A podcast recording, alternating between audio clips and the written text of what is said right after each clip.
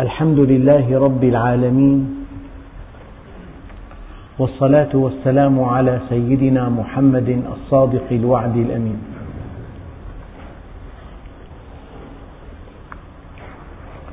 اللهم لا علم لنا إلا ما علمتنا إنك أنت العليم الحكيم. اللهم علمنا ما ينفعنا وانفعنا بما علمتنا وزدنا علما. وأرنا الحق حقا وارزقنا اتباعه. وأرنا الباطل باطلا وارزقنا اجتنابه. واجعلنا ممن يستمعون القول فيتبعون أحسنه وأدخلنا برحمتك في عبادك الصالحين. أيها الإخوة المؤمنون مع الدرس التاسع والأربعين من دروس سورة البقرة ومع الآية الثامنة والأربعين بعد المئة وهي قوله تعالى ولكل وجهة هو موليها. فاستبقوا الخيرات. أينما تكونوا يأتي بكم الله جميعا إن الله على كل شيء قدير. أيها الإخوة الكرام الإنسان والجان من بين كل المخلوقات منحوا حرية الاختيار. لأن الله سبحانه وتعالى عرض الأمانة على السماوات والأرض والجبال فأبين أن يحملنها وأشفقن منها وحملها الإنسان. إنه كان ظلوما جهولا إن خان الأمانة ولم يحملها. فالإنسان لأنه قبل حمل الأمانة سخر الله له ما في السماوات وما في الأرض جميعا منه. ولأنه قبل حمل الأمانة جعل الله الكون كله تجسيدا لأسماء الله الحسنى ومظهرا لصفاته الفضلى. ولأنه قبل حمل الأمانة منحه نعمة العقل أداة معرفة الله. ولأنه قبل حمل الأمانة أعطاه شهوة من أجل أن تدفعه صابرا أو شاكرا إلى الله عز وجل. قوة محركة ولأنه قبل حمل الأمانة منحه حرية الاختيار كي يثمن عمله. ولأنه قبل حمل الأمانة فطره فطرة عالية تدله على خطئه. ولأنه قبل حمل الأمانة أنزل الله على رسوله كتبا هي منهج تفصيلي لحياته. فما دام الإنسان قد قبل حمل الأمانة منحه الله الكون. وسخره تسخيرين تسخير تعريف وتسخير تكريم. ومنحه نعمة العقل ومنحه نعمة الفطرة ومنحه الشهوة التي تدفعه إلى الله عز وجل ومنحه حرية الاختيار ليثمن عمله ومنحه أيضا شرعا حكيما دقيقا منهجا تفصيليا. لكن أبرز ما في حياة الإنسان أنه مخير. ولكل من بني البشر وجهة هو موليها. لا ينبغي أن نفهم أبدا أن هو تعود على الله عز وجل لأن سياق الآية ينفي هذا المعنى. هو موليها فاستبقوا الخيرات. لو أن الوجهة بيد الله ليس هناك تناسب بين أول الآية وبين آخرها. الوجهة بيدكم ولكل وجهة الإنسان موليها. يعني أنت في الدنيا تتمتع بحرية الاختيار ولكن هذه الحرية تعد بشكل أو بآخر سبب سعادتك الأبدية. أنت حر. ما معنى حر؟ يعني بإمكانك أن تؤمن أو ألا تؤمن. بإمكانك أن تكون صادقا أو كاذبا. بإمكانك أن تكون مستقيما أو منحرفا. بإمكانك أن تكون محسنا أو مسيئا. بإمكانك أن تكون مخلصا أو خائنا. بإمكانك أن تكون منصفا أو جاحدا. بإمكانك أن تصلي أو ألا تصلي. أن تأتي إلى المسجد أو أن تذهب إلى الملهى. أن تغض بصرك أو أن تطلق بصرك. أن تأخذ ما ليس لك أو أن تكتفي بما هو لك. أن تكون ولدا بارا أو أن تكون ولدا عاقا. أن تكون شريكا مخلصا أمينا أو أن تكون شريكا خائنا خبيثا. أن تكون أبا منضبطا مربيا لأولاده أو أن تكون أبا مسيبا لهم. أبدا. معنى حرية الاختيار أنه بإمكانك أن تفعل أو أن لا تفعل. أن تكون هكذا أو هكذا. متى يأمرك الله عز وجل؟ لا يأمرك إلا لأنه خيرك. يعني ممكن نبني جدارين على عرض إنسان تماما نأخذ عرضه تماما 68 سنتي نبني جدارين نقول له امشي في هذا الطريق. ثم خذ اليمين. يقول لك أي يمين هذا؟ أنا في ممر إجباري. لا أستطيع أن أحيد لا يمنة ولا يسرى. أما ما دام هناك أمر إلهي افعل. ونهي إلهي لا تفعل إذا أنت مخير. أبدا. فأثمن شيء في مقومات التكليف هو حرية الاختيار. بهذه الحرية يمكنك أن تختار طاعة الله. يمكنك أن تختار كتاب الله تقرأه وتعلمه. يمكنك أن تختار طريق الجنة. يمكنك أن تكون في, في الجنة إلى أبد الآبدين. كل هذا بسبب أنك مخير. إذا واحد قلنا له نال الشهادة الثانوية بإمكانك أن تذهب إلى أي مكان في العالم وتلتحق بأعلى جامعة وتعود في أعلى منصب وفي أبهج حياة بإمكانك مخير. لأن الإنسان مخير سبل السعادة الأبدية مفتحة أمامه. ولكل وجهة هو موليها. يعني دخلت إلى غرفة فيها مليون قطعة ذهبية. ومليون قطعة ذهبية من عيار أقل. ومليون قطعة ذهبية من عيار أقل ومليون قطعة نحاسية مغمسة بالذهب ومليون قطعة نحاسية بلا ذهب ومليون قطعة من من أخف المعادن. قلنا لك اختر ما شئت. أنت مخير. فالذي أخذ قطعة ذهب ذات العيار العالي يكون ذكيا مخير. كلمة مخير كلمة كبيرة جدا. لك أن تختار ما تشاء. لك أن تختار أطيب شيء وأثمن شيء وأدوم شيء. ولكل وجهة هو موليها. أنت مخير. بإمكانك أن تكون زوجا كاملا أو زوجا ناقصا. أما كاملة أو أما مهملة. معلما مخلصا أو معلما مسيبا. أبدا. ولكل وجهة هو موليها. يعني ممكن أن تقول لراكب في السيارة بالمقعد الخلفي اذهب إلى اليمين رجاء. يقول لك بيدي المقود قل للسائق توجه الكلام كي تنحرف المركبة لليمين لمن؟ لمن بيده المقود يقول الله عز وجل ولكل وجهة هو موليها على من تعود هو على الله أم على الإنسان؟ كمالة الآية. فاستبقوا الخيرات. لو أن الوجهة بيد الله لما كان من معنى لقوله تعالى فاستبقوا الخيرات. طيب. عن طريق حرية الاختيار يمكن أن تصل إلى الجنان إلى الأبد. ولا تنسوا وإن كان الشيء ذكرته سابقا أنه هذا المصحف لو وضعنا واحدا في طرفه وكل ميل لمتر صفر. في عنا شيء أربعين صفر. أربعين ضرب كل ميلي أربعين بعشرة أربعمائة صفر. كم هذا الرقم؟ واحد أمامه أربعمية. أول ثلاثة ألف ثاني ثلاثة مليون ثالث ثلاثة ألف مليون.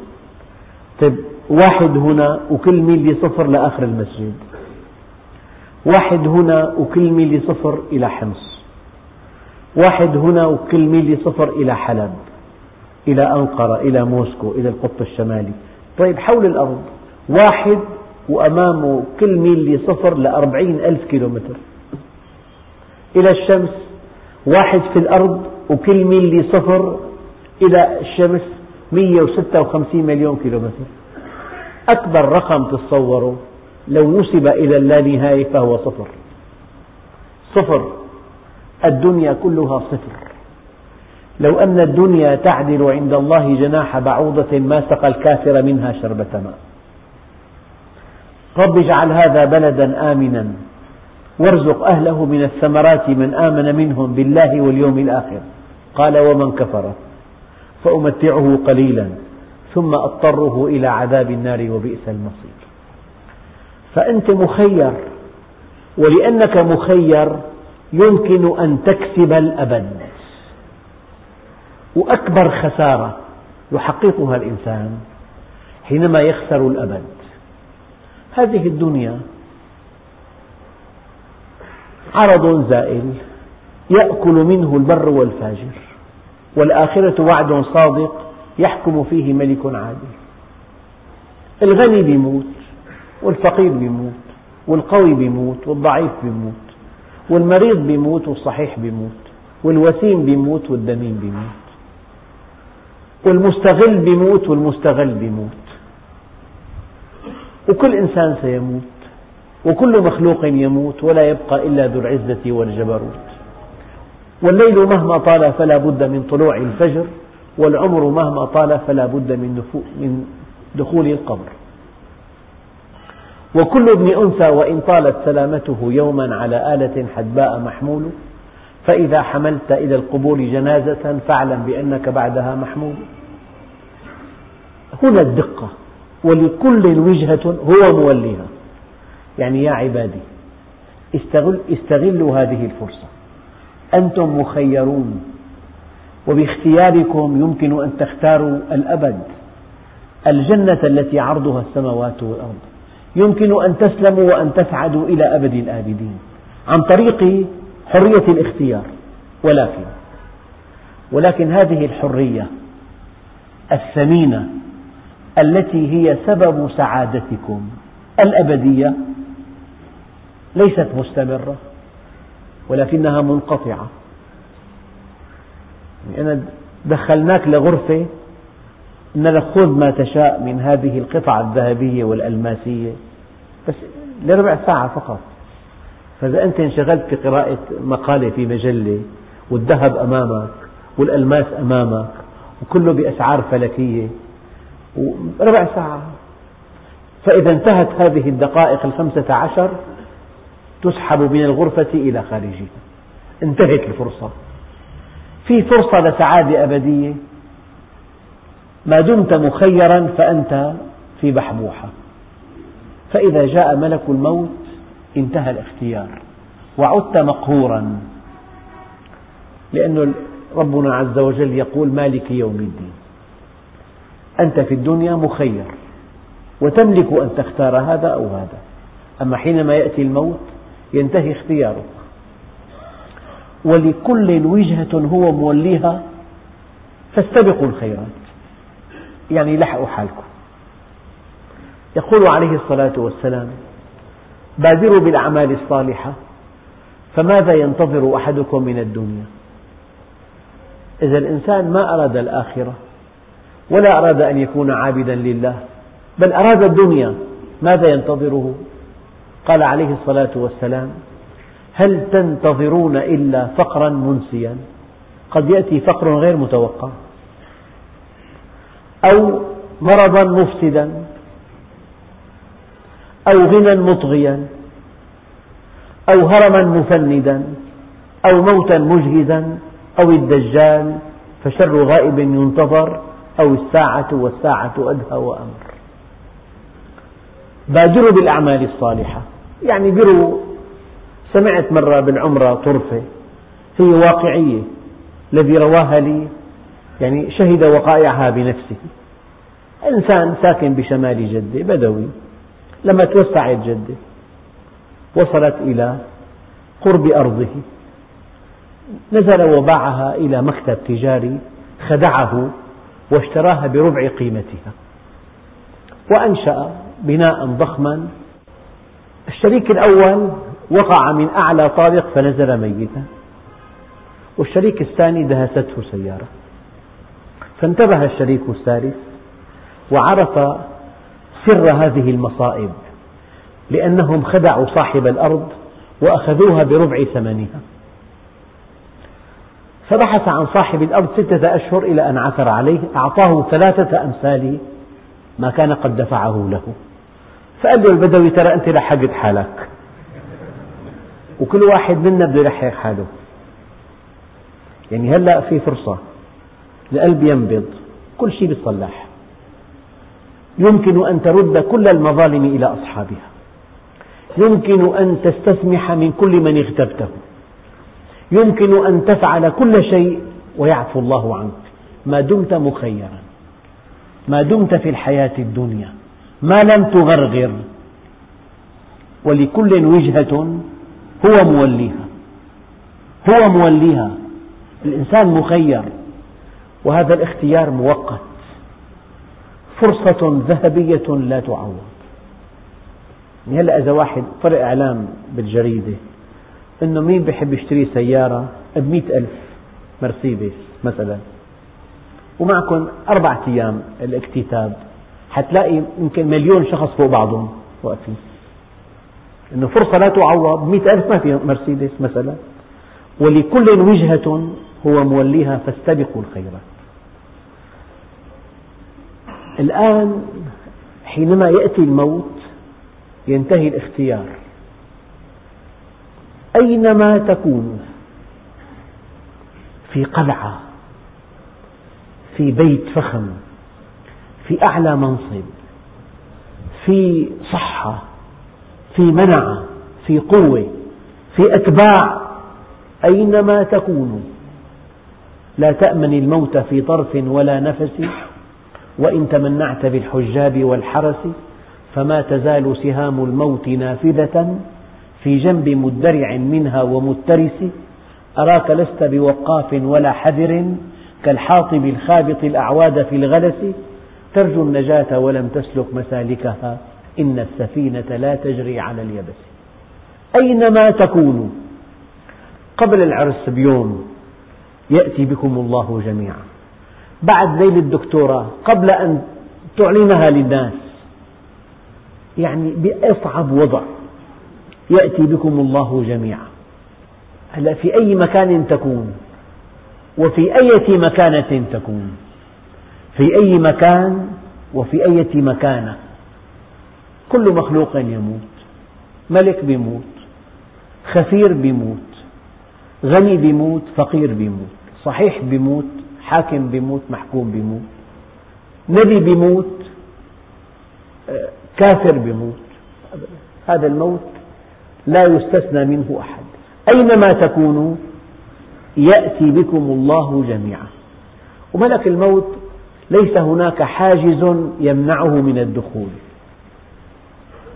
يعني يروى أن سيدنا سليمان في عهده كان جالس عنده شخص فرأى أحدهم يحدق فيه تحديقا غير طبيعي. قال يا سليمان من هذا الذي يحدق بي؟ قال هو ملك الموت. فانخلع قلبه. قال له خذني إلى طرف الدنيا الآخر من شدة الخوف. هكذا تروي القصة الرمزية. أرسله إلى الهند على بساط الريح. فقبضه ملك الموت بعد يوم هناك. فلما التقى به قال له يا ملك الموت لماذا كنت تحدق فيه؟ قال لأنه معي أمر بقبض روحي في الهند. ما الذي جاء به إلى هنا؟ إنسان أيام بيذهب بالمطار توفي. يعني فرصة العمر. ذهب إلى أمريكا بنظر الناس طبعا. قد تكون جهنم وبئس المصير. ذهب إلى هناك في المطار جاءه ملك الموت. قبل أن يدخل المدينة أينما تكونوا في الطائرة يحضر احتفال. هو وزوجته وأخذ زوجته. وقعوا بالبحر انتهوا. أينما تكونوا يأتي بكم الله جميعا. بطائرة بسيارة بباخرة بالبحر بالبر بمكتبه بغرفة نومه بالحرب بالسير باحتفال بالمسجد. قبل عدة أشهر بعد ما انتهت الخطبة قال بعض الإخوة رجل قاعد بالقاعة قلبوا مات أثناء الخطبة. هو بالجامع. أينما تكونوا يأتي بكم الله جميعا. في أية مكانة كنت وفي أي مكان كنت. ما في مكان يستعصي على الله عز وجل. إن الله على كل شيء قدير. إن نحن الآن نتمتع بحرية الاختيار. وهذه الحرية قد تكون سبب لسعادة أبدية. يجب أن نستغلها. يجب أن نعرف من نحن. الإنسان هو المخلوق الأول. خلق لجنة عرضها السماوات والأرض. عبدي خلقت لك ما في الكون من أجلك فلا تلعب. وخلقتك من أجلي فلا تتعب. وخلقتك من أجلي فلا تلعب. فبحقي عليك. لا تتشاغل بما ضمنته لك عما افترضته عليك. خلقت السماوات والأرض ولم أعي بخلقهن. أفيعيني رغيف أسوقه لك كل حين. لي عليك فريضة ولك علي رزق. فإذا خالفتني في فريضتي لم أخالفك في رزقك. وعزتي وجلالي إن لم ترض بما قسمته لك فلأسلطن عليك الدنيا تركض فيها رغض الوحش في البرية ثم لا ينالك منها إلا ما قسمته لك ولا أبالي وكنت عندي مذموما. أنت تريد وأنا أريد فإذا سلمت لي فيما أريد كفيتك ما تريد. وإن لم تسلم لي فيما أريد أتعبتك فيما تريد ثم لا يكون إلا ما أريد. إن الله على كل شيء قدير. الله عز وجل قال إن كيدي متين. المتانة صفة تقاوم قوى الشد والقساوة صفة في العناصر تقاوم قوى الضغط. فالألماس قاسي أما الفولاذ متين. يعني حبل فولاذ قطره ميلي بيحمل 200 كيلو. ميلي قطره. لذلك كل المصاعد الكهربائية والتلفريكات كلها بحبال الفولاذ. الله قال إن كيدي متين. يعني مهما ظننت أنك قوي وطليق وذكي بثانية واحدة في قبضة الله. يعني إنسان ذرة من قطرة. كمية من الدم لا تزيد عن رأس دبوس. لو تجمدت في بعض شرايين المخ لشلت قواه أو لفقد بصره أو فقد النطق أو فقد الحركة. فإن الله على كل شيء قدير. حينما تؤمن بقدرة الله عز وجل تقف عند حدوده. ومن حيث خرجت فول وجهك شطر المسجد الحرام. وإنه للحق من ربك وما الله بغافل عما تعملون. يعني قضية تحويل القبلة من بيت المقدس إلى بيت الله الحرام ترك هزة أو هزة في أوساط مكة في أوساط مكة. ذلك لأن المكان لا يقدس بذاته. يقدسه الله عز وجل. وقد ذكرت لكم في الدرس الماضي أن الله أمرنا أن نقبل الحجر الأسود. لا لأنه عظيم في ذاته بل لأن الله أمرنا أن نقبله فصار عظيما. وأمرنا أن نرجم حجرا آخر رمزا لإبليس. فالشيء لا يكون مقدسا في ذاته ولكن يقدس لأمر الله فيه. نحن في عنا دائما قواعد في عنا أمر مصلحي أمر إيماني. أيام تتحقق مصلحتك في هذا العمل فتفعله. فأنت نفذت أمر مصلحي. أمرت أن تشتري هذه العملة لأنها سوف ترتفع مثلا. هذا أمر مصلحي. الأمر الإيماني لا علاقة له بمصلحتك إطلاقا. الله عز وجل أمرك وكل أمر إلهي علته أنه أمر إلهي أمر خالق الكون. فكل ما تعرف عن الله عز وجل من عظمة وحكمة وعدل ورحمة ورأفة في هذا الأمر. فقريش كانت تقول أن هذا بيت الله الكعبة ليست بيت الله هي بيت آبائنا وأجدادنا. وكانت مزروعة بالأصنام التي تعبد من دون الله. فربنا عز وجل أراد أن يهمل هذا البيت مؤقتا وأن يصرف الناس عنه إلى بيت المقدس. فلما آن الأوان أن يعودوا إلى بيت الله الحرام جاء الأمر بتحويل القبلة فهذا أمر إيماني. يعني يجب أن نطبقه بصرف النظر عن فهمنا له. ومن حيث خرجت فول وجهك شطر المسجد الحرام. وإنه للحق من ربك. الحق ما يأمره الله عز وجل. في طريقة مريحة كثير. هذا أمر إلهي إلهي إذا حق مثلا مريض حب يأكل أكل معين فقال له والده أو قريبه أو الطبيب قال لك هكذا؟ إلى نعم خلاص؟ شيء بديهي. الطبيب قال لك هيك إذا كان الطبيب قال والطبيب موثوق وعلمه بدرجة عالية جدا وهو الخبير بجسم الإنسان فهذا شيء نفعله, نفعله نحن مع بعضنا دون أن نشعر. سألت الخبير هيك قال نعم. وين أخذت الآلة؟ للوكالة. هيك نصحوك الساي؟ نعم خلاص. بتصليح الآلات بمعالجة الأجسام. إذا أنت واثق من خبير أعطاك أمر بتنفذه طواعية وأنت مرتاح لأنه خبير. قال تعالى ولا ينبئك مثل خبير. ومن حيث خرجت فولي وجهك شطر المسجد الحرام وإنه للحق من ربك. أمر إيماني. شو معنى قوله تعالى يا أيها الذين آمنوا مثلا اتقوا الله. يا أيها الذين آمنوا قولوا قولا سديدا. يا أيها الذين آمنوا قوا أنفسكم وأهليكم نارا.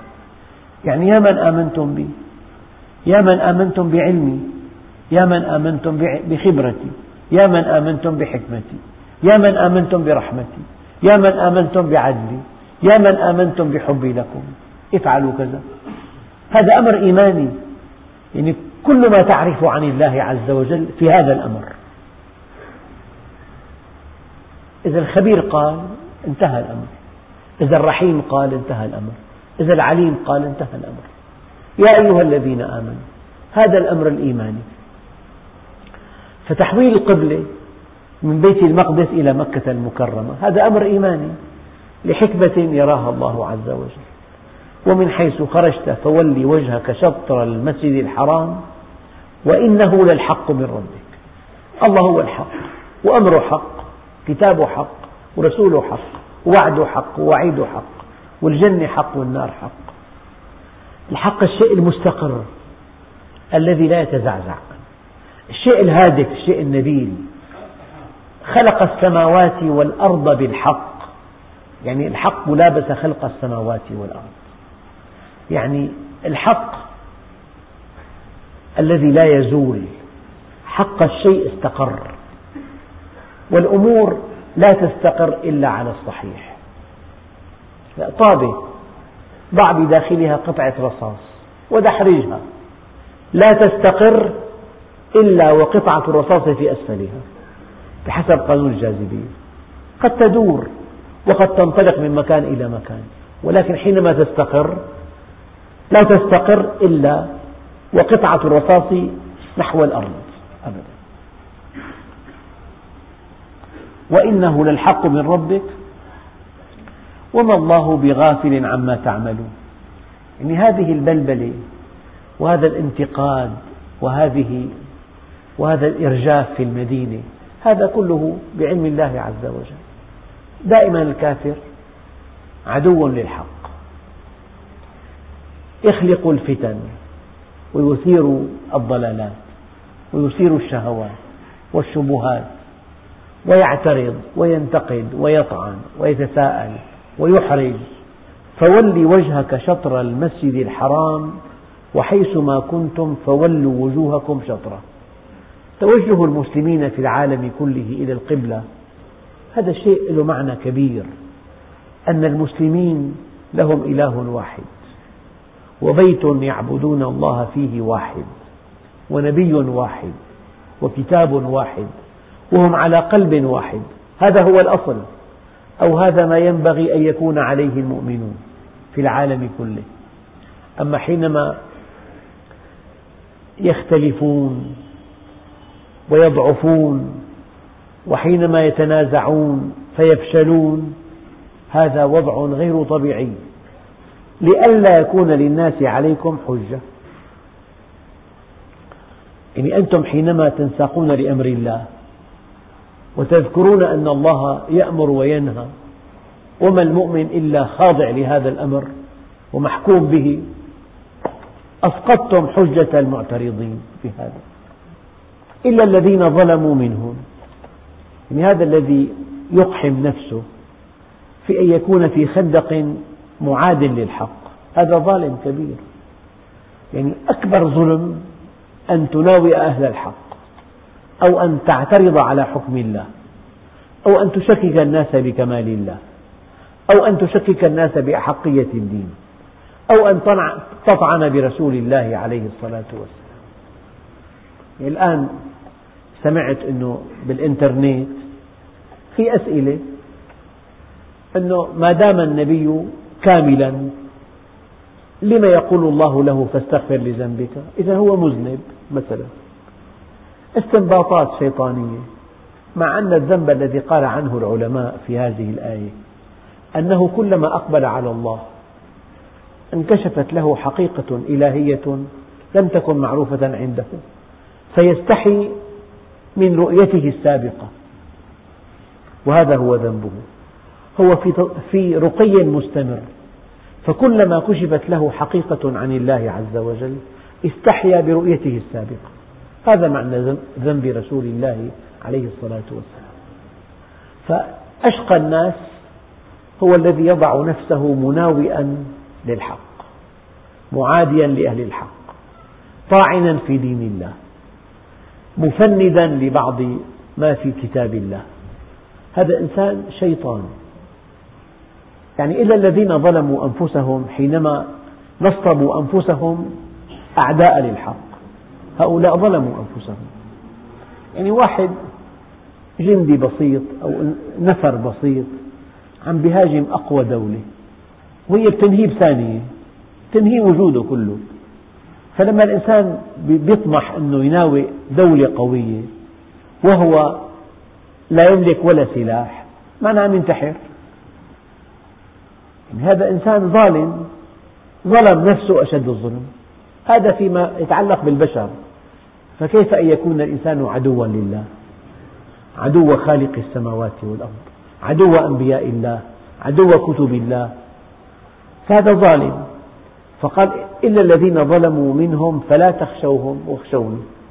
مهما بدوا لكم أقوياء هم ضعفاء. هون كن, كن فيكون زل فيزول. إن كانت إلا صيحة واحدة فإذا هم خامدون. واحد إذا كان بده يقتل مثلا حشرة صغيرة. يحتاج إلى استنفار؟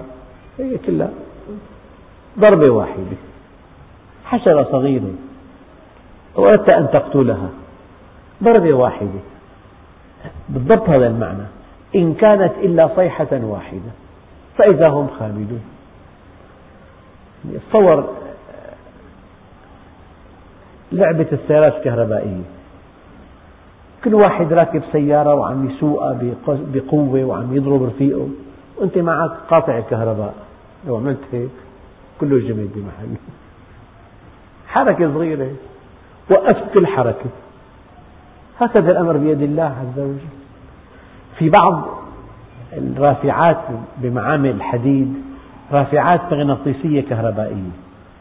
مثلا قطعة مسطح فرضا خمسة بخمسة. محاط بوشيعة كهربائية.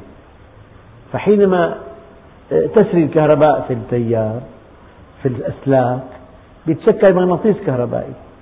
يحمل 100 طن. لنقل الحديد من مكان إلى مكان. أما هال 100 طن لو عامل الرافعة ضغط على الزر أقل من ربع ميلي وقطع الكهرباء كله بيوقف. تصور المثل هذا. يعني الله عز وجل كن فيكون زل فيزول. فهذا الذي يعادي الله عز وجل يعادي هذا الدين يقف له موقف المشكك يطعن بأهل الحق يصور الدين شيء قديم متخلف يحاول أن يغري الناس بالدنيا أن يزهدهم بالآخرة. هذا يتصدى للحق. قال إلا الذين ظلموا منهم فلا تخشوهم. مهما بدوا أقوياء هم ضعفاء. هم بكلمة ينتهون. فلا تخشوهم واخشوني. ولأتم نعمتي عليكم ولعلكم تهتدون. تمام النعمة قال العلماء الهدى.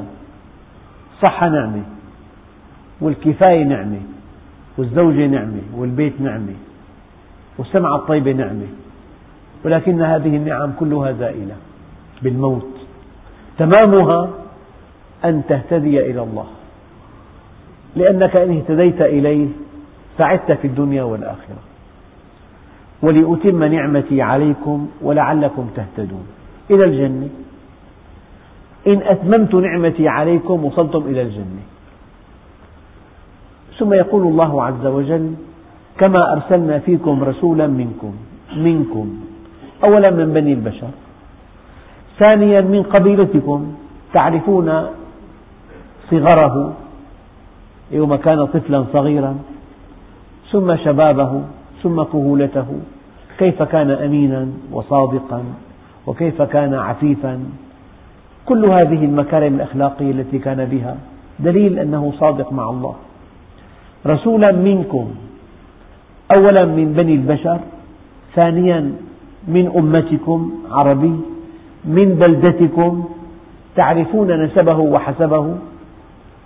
يتلو عليكم آياتنا الدالة على الله عز وجل.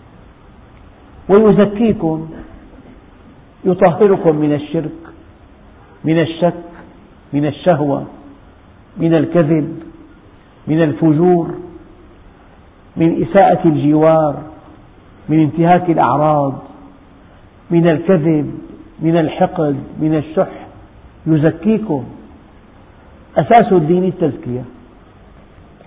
يتلو عليكم آياتنا ويزكيكم ويعلمكم الكتاب والحكمة. الكتاب هو القرآن والحكمة منه الحديث. صار في بالدعوة آيات كونية أو تكوينية. هي دالة على الله عز وجل. وفي اتصال بالله وتزكية. وفي منهج تفصيلي كتاب وسنة. هذا من أدق الآيات. يتلو عليكم آياتنا ويزكيكم ويعلمكم الكتاب والحكمة ويعلمكم ما لم تكونوا تعلمون. ماذا ينبغي أن تفعلوا أنتم بعد هذا الفضل العظيم؟ قال فاذكروني لعبادي فاذكروني. يعني كما كما جاء النبي وهداكم إلى الله أنتم ينبغي أن تشكروا الله عز وجل وأن تدلوا الناس على الله. فاذكروني أذكركم واشكروني واشكروا لي ولا تكفرون لذلك ما ذكرني عبدي في نفسه إلا ذكرته في ملأ من ملائكتي. ولا ذكرني عبدي في ملأ من خلقي إلا ذكرته في ملأ خير منهم فاذكروني. يعني يا أيها الذين آمنوا اتقوا الله حق تقاته. قال أن تذكره فلا تنساه وأن تطيعه فلا تعصيه وأن تشكره فلا تكفره. هذا معنى اتقوا الله حق تقاته. يعني كما أرسلنا فيكم رسولا لقد من الله على المؤمنين إذ بعث فيهم رسولا من أنفسهم. يتلو عليهم آياته ويزكيهم ويعلمهم الكتاب والحكمة. ويعلمكم ما لم تكونوا تعلمون. طبعا هناك آيتان. هذه الآية كما أرسلنا فيكم رسولا منكم يتلو عليكم آياتنا ويزكيكم ويعلمكم الكتاب والحكمة ويعلمكم ما لم تكونوا تعلمون. أخواننا الكرام أهم شيء في الدين التزكية لما ربنا عز وجل أثنى على النبي عليه الصلاة والسلام قال وإنك لعلى خلق عظيم. الخلق الحسن ذهب بخيري الدنيا والآخرة. العبرة أن تكون عفيفا صادقا أمينا منصفا حليما عفوا رحيما متواضعا. بهذا تتقرب من الله.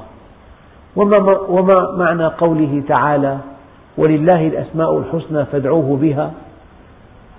أي أنكم لن تستطيعوا أن تتقربوا إلى الله إلا بكمال مشتق منه. بكمال مشتق منه من خلال اتصالكم به. كما أرسلنا فيكم رسولا منكم يتلو عليكم آياتنا ويزكيكم ويعلمكم الكتاب والحكمة ويعلمكم ما لم تكونوا تعلمون. فاذكروني أذكركم. واشكروا لي ولا تكفرون لذلك يقول الله عز وجل ما يفعل الله بعذابكم إن شكرتم وآمنتم. يعني أنت حينما تؤمن وحينما تشكر حققت الهدف من وجودك. هذه الآية دقيقة جدا. ما يفعل الله بعذابكم إن شكرتم وآمنتم. وكان الله شاكرا عليما الله عز وجل منحك الوجود. منحك الكون منحك الزمن منحك الحرية منحك العقل منحك الفطرة منحك الشرع منحك الشهوة منحك الاختيار. هذا ينبغي أن تشكره عليه. أو بمثل آخر إنسان قدم لك آلة ثمينة جدا وقدمها لك هدية فأنت بين الإعجاب بصنعته هي من صنعه. بين أن تعجب بصنعته وبين أن تشكره على أنها هدية. شعورين ينبغي أن ينتاباك شعور الامتنان وشعور التعظيم. أنت حينما تؤمن وتشكر بل إن الكون قد سخره الله لك تسخيرين. تسخير تعريف وتسخير تكريم. رد فعل التعريف أن تؤمن ورد فعل التكريم أن تشكر. فإذا آمنت وشكرت حققت الهدف من وجودك. فاذكروني أذكركم واشكروا لي ولا تكفرون. يا أيها الذين آمنوا استعينوا بالصبر والصلاة إن الله مع الصابرين. هذه معية خاصة معهم بالنصر والتأييد والحفظ والتوفيق. هذا الذي يصبر يعرف الله. صبر معرفة. تماما كما لو جلس إنسان على كرسي طبيب الأسنان وكان إنسانا بالغا عاقلا راشدا. في عنده مشكلة بقلبه لا تسمح للطبيب أن يعطيه مخدرا. أبلغه ذلك. سوف يقلع هذا السن وهناك ألم شديد ولكن التخدير يؤذي قلبه. فلأن هذا المريض عاقل وراشد ويعرف مصلحته واثق بالطبيب تحمل هذا الألم. فالتحمل دليل معرفة. الصبر معنى الصبر أنك تعرف الله تعرف حكمته وتعرف رحمته وتعرف عدله وتعرف أنه ليس في الإمكان أبدع مما كان. لهذا تصبر يا أيها الذين آمنوا استعينوا بالصبر والصلاة. الصبر صبر أما الصلاة إقبال. يعني إذا كان حرمت الدنيا ووصلت إلى الله هذا الوصول يوصيك كل الدنيا. استعن بالصبر الصبر سلبي لكن والصلاة إيجابي. يعني أنت حرمت نفسك من هذا الكأس. بس هون في شراب أطيب. تركت شيئا لله فجاءك خير منه. استعينوا بالصبر والصلاة. إن الله مع الصابرين معهم معية خاصة معهم بالحفظ. والتوفيق والتأييد والنصر. والحمد لله رب العالمين.